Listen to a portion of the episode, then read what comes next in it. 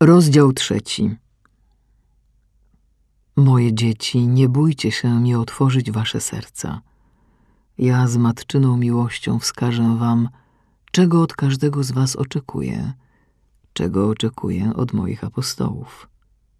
Pójdźcie ze mną. Fragment orędzia Matki Bożej z 18 marca 2011 roku.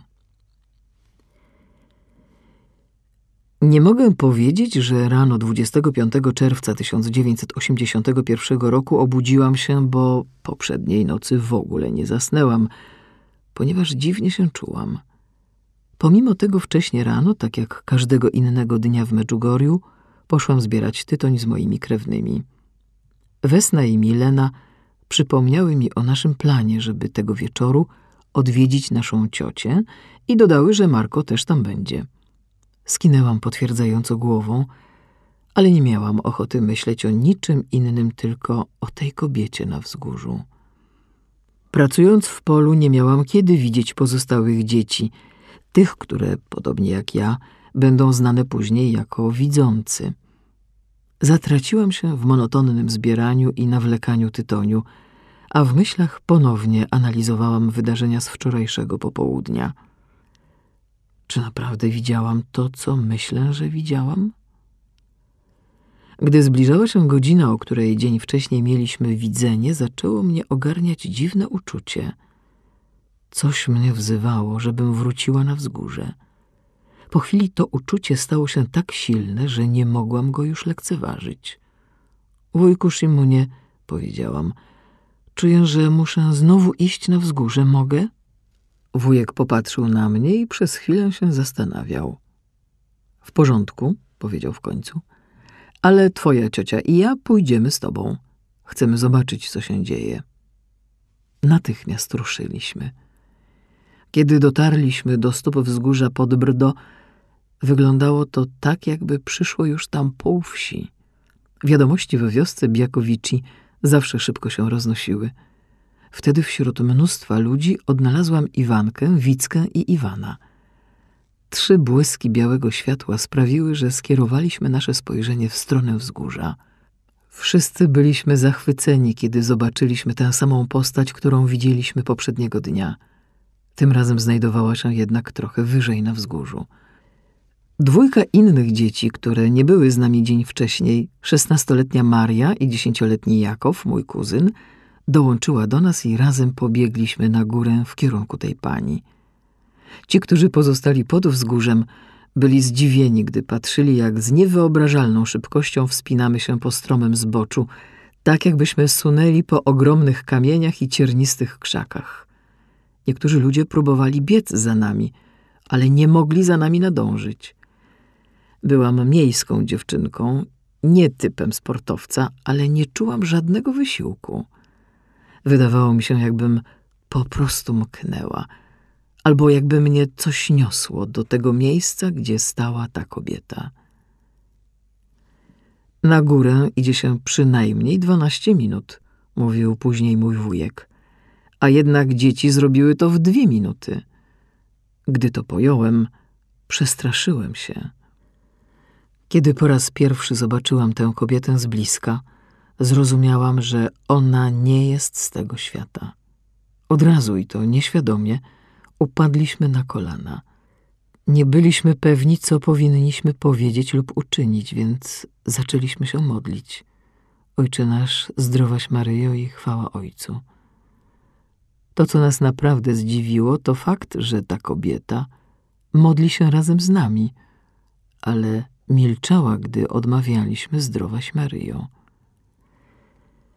Otaczał ją przepiękny błękit. Jej skóra błyszczała, była jasno-oliwkowa, a oczy przypominały lazur Adriatyku. Biały welon przykrywał większość długich czarnych włosów, oprócz kosmyka na czole i pasm, które opadały z obu stron twarzy i wystawały spod welonu. Wszystko, co widziałam, wyglądało w sposób nadprzyrodzony. Od nieziemsko-niebiesko-szarego połysku jej długiej sukni – aż do siły jej spojrzenia, które zapierało dech w piersiach. Sama jej obecność dawała poczucie spokoju i matczynej miłości. ale poczułam także wielki strach, ponieważ nie rozumiałam, co się wydarzyło. Moje dzieci, nie bójcie się, powiedziała bezbłędnie po chorwacku, dźwięcznym i melodyjnym tonem, którego żaden człowiek nie mógłby powtórzyć.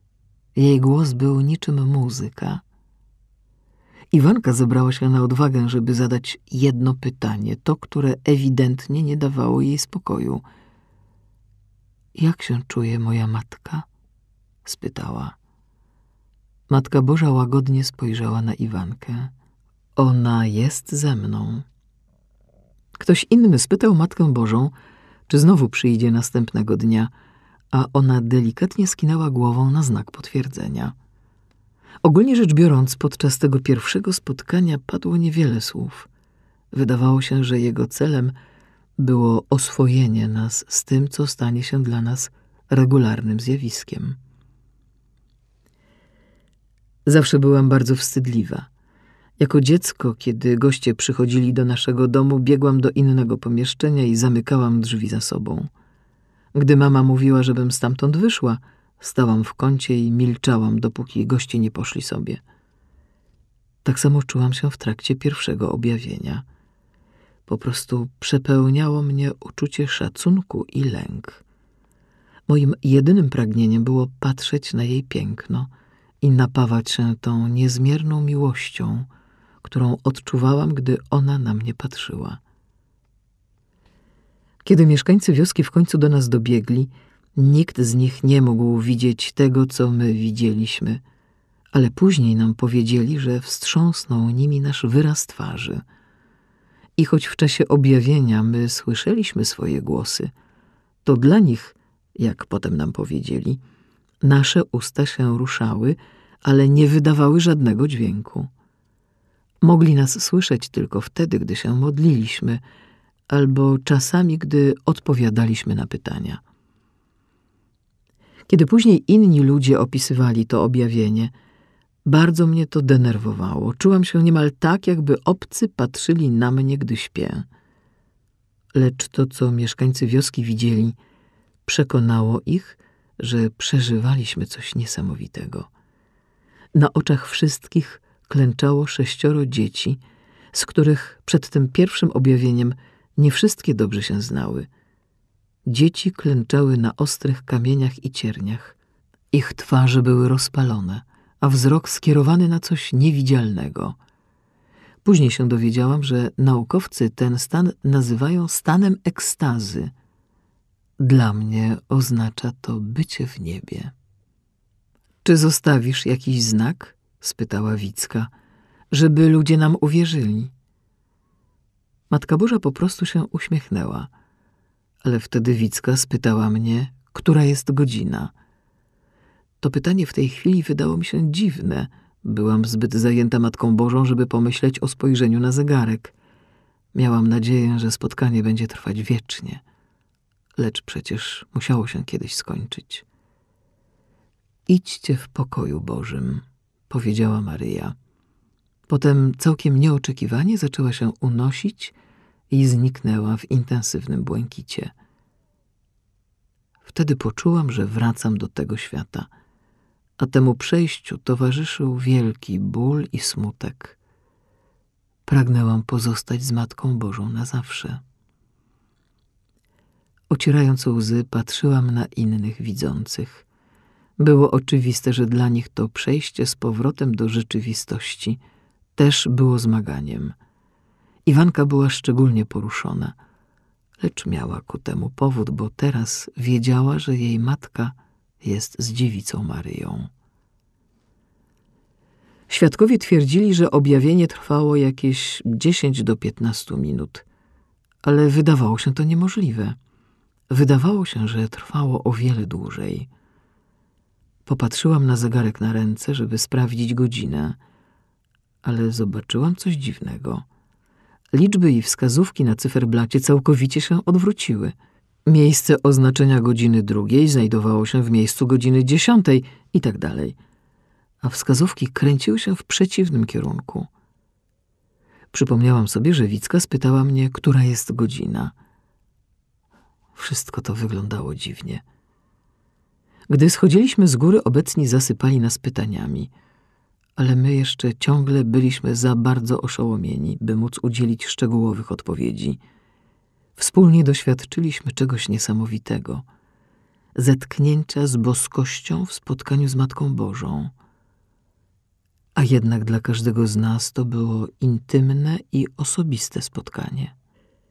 Ojciec Sławko, ksiądz, który później będzie pełnił posługę w Medjugorju, wyraził kiedyś oburzenie, ponieważ nigdy nie udało mu się zgromadzić całej naszej szóstki widzących w jednym miejscu. Gdybym był Matką Bożą, powiedział, nigdy nie wybrałbym waszej szóstki. Wszyscy jesteście bardzo różni i to jest dla mnie znak, że to jest prawda. Większość z nas nigdy nie spędzałaby ze sobą czasu, gdyby nie objawienia. Kiedy wszystko się zaczęło, moje wyobrażenia o pozostałych widzących prawdopodobnie podzielała większość obserwatorów. Nikt z nas nie był jakoś wyjątkowo pobożny w porównaniu z innymi dziećmi we wsi, a każdy z nas miał charakterystyczne dla siebie zalety i słabości. Pomimo tego, albo może właśnie dlatego, Matka Boża wybrała nas i zgromadziła. Siedemnastoletnia Wicka Iwankowicz miała brązowe kręcone włosy, a na jej twarzy cały czas gościł uśmiech. Była radosną i pełną życia dziewczyną. Ona zawsze jako pierwsza spośród nas przejmowała inicjatywę. Wicka to pseudonim. Jej prawdziwe imię Wida po chorwacku wskazuje na widzenie. Przed objawieniami nigdy nie spędzałam czasu z szesnastoletnim Iwanem Dragiczewiciem – Wysoki, ciemnowłosy Iwan wyglądał na wstydliwego i cichego. To imię, po polsku Jan, często pojawia się w Nowym Testamencie i oznacza Bóg jest łaskawy. Nie znałam też szesnastoletniej Marii Pawlowicz, szczupłej dziewczyny o krótkich brązowych włosach. Jej imię jest słowiańską wersją imienia Maria. Podobnie moje imię pochodzi od źródłowego hebrajskiego imienia Maria, Miriam. Najmłodszym i najmniejszym członkiem tej grupy był dziesięcioletni Jakow Czolo. I choć był moim kuzynem, nie spędzałam z nim dużo czasu. Mieszkał ze swoją matką Jaką. Dzięki młodzieńczej niewinności Jakow, po polsku Jakub, jak nazywa się patron parafii Medjugorje, zawsze nas rozbawiał i doprowadzał do śmiechu. Oczywiście była tam moja droga przyjaciółka Iwanka Iwankowicz. Jako piętnastolatka była najmłodszą dziewczyną. Lubiła się spóźniać i wydawało się, że zawsze przychodziła ostatnia na nasze wspólne spotkania. Wszyscy tak bardzo się różniliśmy, ale niesamowity dar widzenia Matki Bożej wzajemnie nas połączył.